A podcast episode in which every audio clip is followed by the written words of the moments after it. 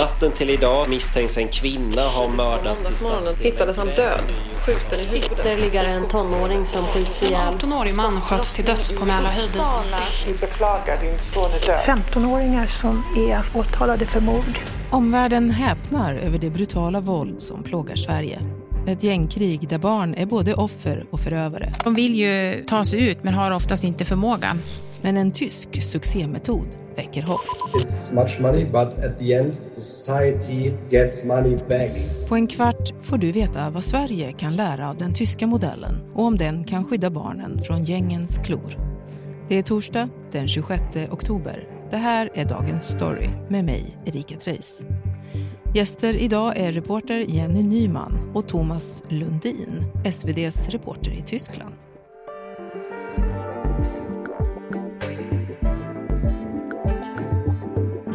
Thomas, du är ju på behörigt avstånd från allt som händer i Sverige just nu. Hur snackas det om det svenska gängvåldet i Tyskland och övriga Europa? Alltså, jag tror att eh, många känner inte alls till det där riktigt. Liksom, man har hört talas om det här med koranbränningar och sånt. Liksom, det har ju varit på tv hela tiden. Men för de flesta tyskar och de jag känner och umgås med i Sverige fortfarande, liksom, det är det här gamla välfärdsparadiset, liksom tryggt och jämlikt idealsamhälle. Liksom Bullerby som man säger i Tyskland. Och, eh, och jag har ju träffat många poliser, varit ute på jobb med dem sån här till exempel specialenheter som jagar eh, kriminella storfamiljer och de är ju chockade när jag berättar om liksom skjutningar på öppen gata och ungdomar som ja, erbjuder sig att utföra uppdragsmord. Sånt finns inte i Tyskland. Alltså det finns naturligtvis som överallt kriminalitet och våld men inte i den omfattningen och in, framförallt inte så brutalt och så hänsynslöst som i Sverige idag. Mm. Jenny, du jobbar på hemmaplan och är breaking-reporter och skriver mycket om det här eskalerande gängkriget. För mig så känns det ju lite grann som en hopplös eh, utveckling med allt yngre gärningsmän och det smäller överallt. Vad säger du? Ja, jo men det är ju väldigt dystert. Jag bor ju också i södra Stockholm och det har ju varit väldigt mycket som har hänt där omkring på sistone. Men sen är det ju som du är inne på själv då, alltså man blir ju mörk i sinnet av att barn så unga som ja, 13-årige Milo har fallit offer för gängkriget. Att det är barn, verkligen unga, unga barn som misstänks för grova våldsbrott. Mm. Och mot bakgrund av det så känns det ju lite skönt då att det finns förslag på lösningar som vi faktiskt ska prata lite grann om. Men först Thomas, du har träffat 23-åriga Berat Ergyner. Kan du berätta om honom? Jag träffade honom häromdagen i Duisburg i Ruhrområdet. Och det är en industristad med en halv miljon invånare och många med migrationsbakgrund. Och hög arbetslöshet och många stadsdelar med riktigt stora problem. Och just i en sån stadsdel växte Berat upp och som 11-åring redan var liksom på väg in i en kriminell bana. Han var inblandad i slagsmål och grova stölder och annan brottslighet som han helst inte ville berätta så mycket om. Men hamnade slutligen på polisens radar och eh, fick då chansen att delta i det här brottsförebyggande projektet som i Tyskland heter Kurvekrigen. Och ett team eh, av polis och pedagoger kom hem till hans familj och berättade då hur det skulle gå till rent praktiskt. Vilket innebär att han skulle få stöd i skolan och hjälp att komma loss från det här kompisgänget som var kriminellt och liksom bygga upp någon slags alternativ vardag med ja, idrottsföreningar och ja, andra intressen. Hur reagerade Berat på det? Han var ganska skeptisk men jag tänkte låt dem, låt dem prata. Han hade väl hört det där ganska många gånger tror jag.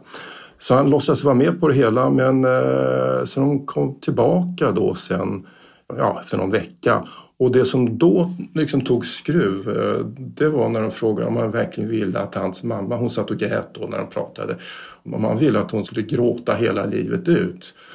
Och det var något sånt där konkret och det, det var känsloladdat, liksom inget abstrakt, inget sån här eh, polissnack utan det, liksom, det fick honom att tänka efter och eh, ja, fatta beslutet att testa för att vara med på riktigt, på allvar. Men den här metoden som du har skrivit om, Thomas, kan du berätta lite mer om den? Ja, men det är den där tyska metoden som heter Kurvekrigen och på svenska rätt kurva skulle man kunna översätta det till.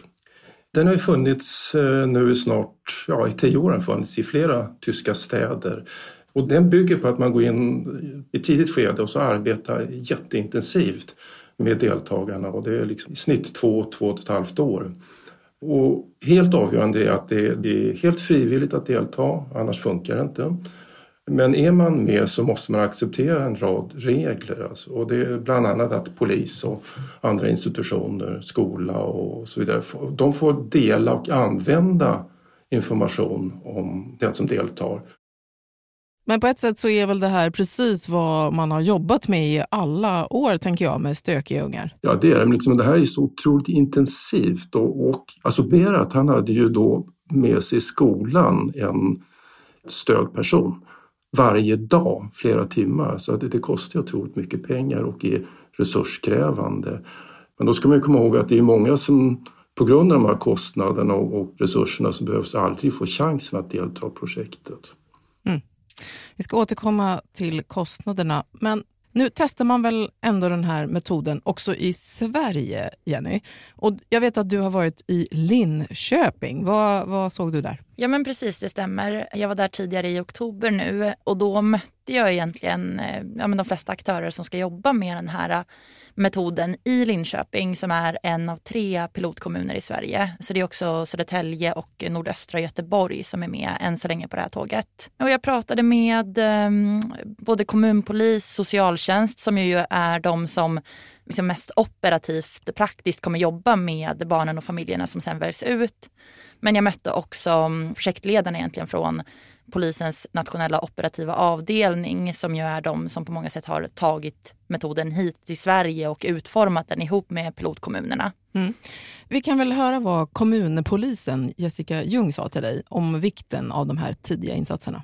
Jag tror där att, att åldern är viktig, ja. för det är lättare att attrahera till något annat när man är 8, 9, 10 år än när man har liksom redan identifierat sig som kriminell. Man har fått jättemycket status och man har blivit bekräftad i sin kriminalitet. Där är det mycket svårare, eh, väldigt mycket svårare. Det de ger uttryck för här och, och egentligen alla de jag pratade med där gav uttryck för det är ju mycket att man ska rikta in sig på ja, men, det de beskrev som morgondagens skytt hittar, alltså de här barnen som verkligen riskerar att dras djupt in i tung kriminalitet om några år. Och det här med tidig ålder, vad är det i de här sammanhangen? I Sverige så riktar metoden in sig på barn mellan 8 och 15 år. Men de beskrev det som att ålder är i sig en faktor man tittar på. Så att ju yngre barn desto tyngre väger det så att säga. Mm. A lot can happen in the next three years. Like a chatbot may be your new best friend. But what won't change? Needing health insurance. United Healthcare Tri Term Medical Plans are available for these changing times. Underwritten by Golden Rule Insurance Company, they offer budget-friendly, flexible coverage for people who are in between jobs or missed open enrollment. The plans last nearly three years in some states, with access to a nationwide network of doctors and hospitals. So for whatever tomorrow brings, United Healthcare Tri-Term Medical Plans may be for you. Learn more at uh1.com. Och hur väljer man då ut vilka barn som får vara med i det här programmet? Ja, men själva grunden är att ett barn ska ha anmälts för brott för att vara aktuell från början. Och utifrån det tittar man då på möjliga kandidater och det är polisen som står för första steget och skickar sen en rad förslag till socialtjänsten. Och sen är det de som slutligen väljer vilka familjer och barn man ska rikta in sig på. De beskriver det som att det är eh, ett ganska systematiskt värderingssystem. Och då tittar man på sånt som barnets ålder, man tittar på vilken typ av brott som har begåtts, alltså hur grovt brottet är och eh, tidigare orosanmälningar mot barnet. Jag ska bara tillägga, liksom, just i Tyskland liksom, eh, säger de också att det är så otroligt viktigt, precis som du säger, att uh, gå in så tidigt bara går. För liksom, har de väl, är de väl liksom i klorna på, på gängen, då är det nästan för sent. Så man måste ta, ta, gå in så där, eh, preventivt mycket på ett tidigt stadium. Just det. Mm. Men man talar också om någonting som kallas för samtycke. Vad är det Jenny? Ja, i Sverige så har man ju, nu vet inte jag om det officiellt kallas så i Tyskland heller, men man har åtminstone i Linköping valt att gå bort från ordet kontrakt. Och det är istället en samtyckesblankett som skrivs på. Och det är väl en ganska ett vanligt förfarande som jag förstått det när man just måste slopa sekretessen mellan myndigheter. Så det, det bygger på frivillighet precis som i Tyskland. Eh, men för att en familj överhuvudtaget ska kunna ingå så måste man skriva på den här samtyckesblanketten som helt enkelt gör att polis och socialtjänst kan dela information utan sekretess mellan sig. Ja, just det. Men i Sverige så har det ju rapporterats i väldigt hög grad att det finns ett liksom lågt förtroende för myndigheterna, särskilt i de här grupperna. Hur gör man då? De hoppas ju på att det här i sig ska kunna bygga upp förtroende för socialtjänst. Eh, för att man är nära barnen, man är nära familjerna, man kommer med väldigt breda, gedigna insatser som ska täcka in ett brett spektra av det som pågår i barnets liv. Så det är ju allt från fritidsaktivitet i skola till sysselsättning, till och med för familjen. Eh, om det är en, en förälder eller ett syskon som är arbetslös så, så ska man kunna hjälpa till med praktikplatser och jobb för dem. Så att det är väl det man egentligen hoppas på då, att det här ska kunna bygga upp ett förtroende för eh, sociala insatser och socialtjänst. Mm. Men det går inte att komma ifrån att det låter som en ganska dyr metod. Hur, hur många kommer man att ha råd att och faktiskt eh, hjälpa?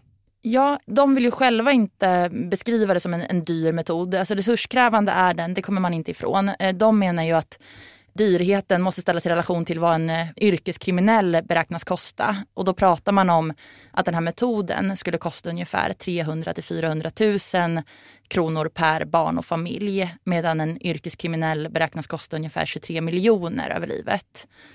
Men med det sagt så tittar man åtminstone här i testfasen i Linköping på att kunna hjälpa ungefär fem barn per socialarbetare. Och så har de två heltidsanställda socialarbetare, så ungefär tio barn samtidigt. Då. Mm. Så det är ju inte jättemånga, utan de pratar ju mycket om att man måste välja rätt från början då, så att man verkligen hjälper de barnen där, ja, men som vi sa i början, då, som riskerar att verkligen dras in i tung kriminalitet. Mm.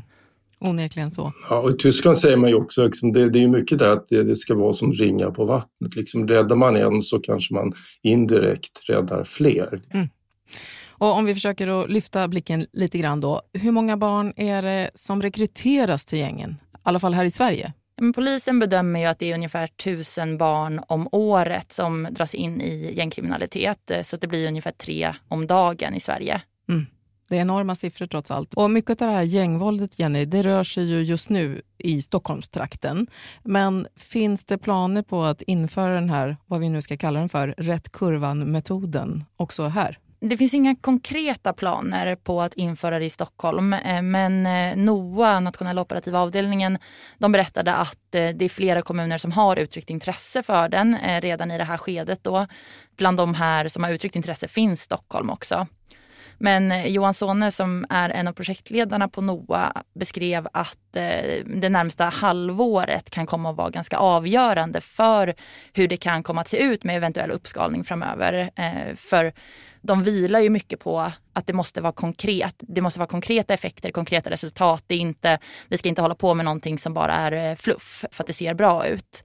Så att de vill väl vänta in lite och jag tänker att många kommuner, alltså det är kommunerna och polisen lokalt som bekostar den här metoden så att jag gissar att många också vill vänta lite för att se men hur funkar det och Visst, vi kanske inte kommer att ha sett några superkonkreta resultat i termer av ungdomskriminalitet om ett halvår, men man kanske har börjat se hur familjer reagerar och tar emot det här i Sverige. Man kanske har börjat se de första smygande effekterna i de familjerna där insatserna har börjat sättas in helt enkelt. Mm. Thomas, du bad ju om tips också från den här personen som eh, kallas för hjärnan bakom den tyska metoden. Eh, han vill också ja. skicka med lite grann till oss i Sverige. Kan du berätta? Ja, det alltså helt avgörande är, säger de, för att man ska ha realistiska förväntningar. Se det som en del i en ja, större strategi med olika verktyg. Och så gäller det framförallt att planera långsiktigt. Det är jätteviktigt. Det trycker de hela tiden på en säkrad finansiering över en lång, lång period. Så att man liksom slipper att hela tiden snegla mot vad politikerna tycker och tänker och kräver. A och O är också eh, professionalitet kvalitetsstyrning. De har alltså en hård kvalitetsstyrning och eh, extern kontroll, löpande kontroll hela tiden. Och ehm, annars säger de blir det liksom bara en debatt om, om, att man ehm, daltar med brottslingar och eh, att man egentligen skulle behöva hårdare tag. Så liksom det är förutsättningarna att professionalitet, kvalitetsstyrning och kontroll. Mm. Och där kan jag flika in att de har ju faktiskt även i Sverige knutit en, eh, en forskare till de här pilotkommunerna som ska utvärdera projektet under tidens gång just för att se om får det samma effekt i Sverige som man har sett i Tyskland. För det är ju mycket det man som sagt eh, vill, vill åt. Just det. Till sist Thomas, du berättade om tyska Berat, han som hade fått hjälp ur sin kriminella bana. Hur tror du det kommer att gå för honom i framtiden? Jag, jag tror att, kom, att, han kommer klara sig alldeles utmärkt och det, det, är jag helt övertygad om. Han är nu snart färdig med sin utbildning som lastbilschaufför. Han älskar lastbilar, han älskar jobbet. Nu tjänar han inte så otroligt mycket där liksom. Det, det är väl 7-8 tusen i månaden liksom. Och det, är som andra säger, liksom, det, vadå? Det är det jag drar in på en dag liksom, när man är kriminell. Men hur som helst, han tycker det är bra och han ska gifta sig om två månader. Håller på att leta efter lägenhet nu. Han bor ju fortfarande kvar i den där stadsdelen han växte upp. Och liksom många av de gamla kompisar som man träffar och hejar och de berättar lite. Ja, ja men de är ju fortfarande kriminella och eh, åker in i fängelse stup i kvarten. Och, ja, de har liksom aldrig kunnat ta sig ur det här, den här spiralen. Mm. Det kommer gå jättebra för honom. Tack. Jag, jag, tänker att det är fint att gå ut här för det är trots allt en solskenshistoria. Och med det så tackar jag dig Jenny och eh, också tack Thomas för att ni pratade om det här idag. Tack, tack. kul. Programmet idag producerades av Daniel Sävström. Redaktör var Stina Fischer och jag heter Erika Treis. Klippen i programmet kom från Sveriges Television och Sveriges Radio.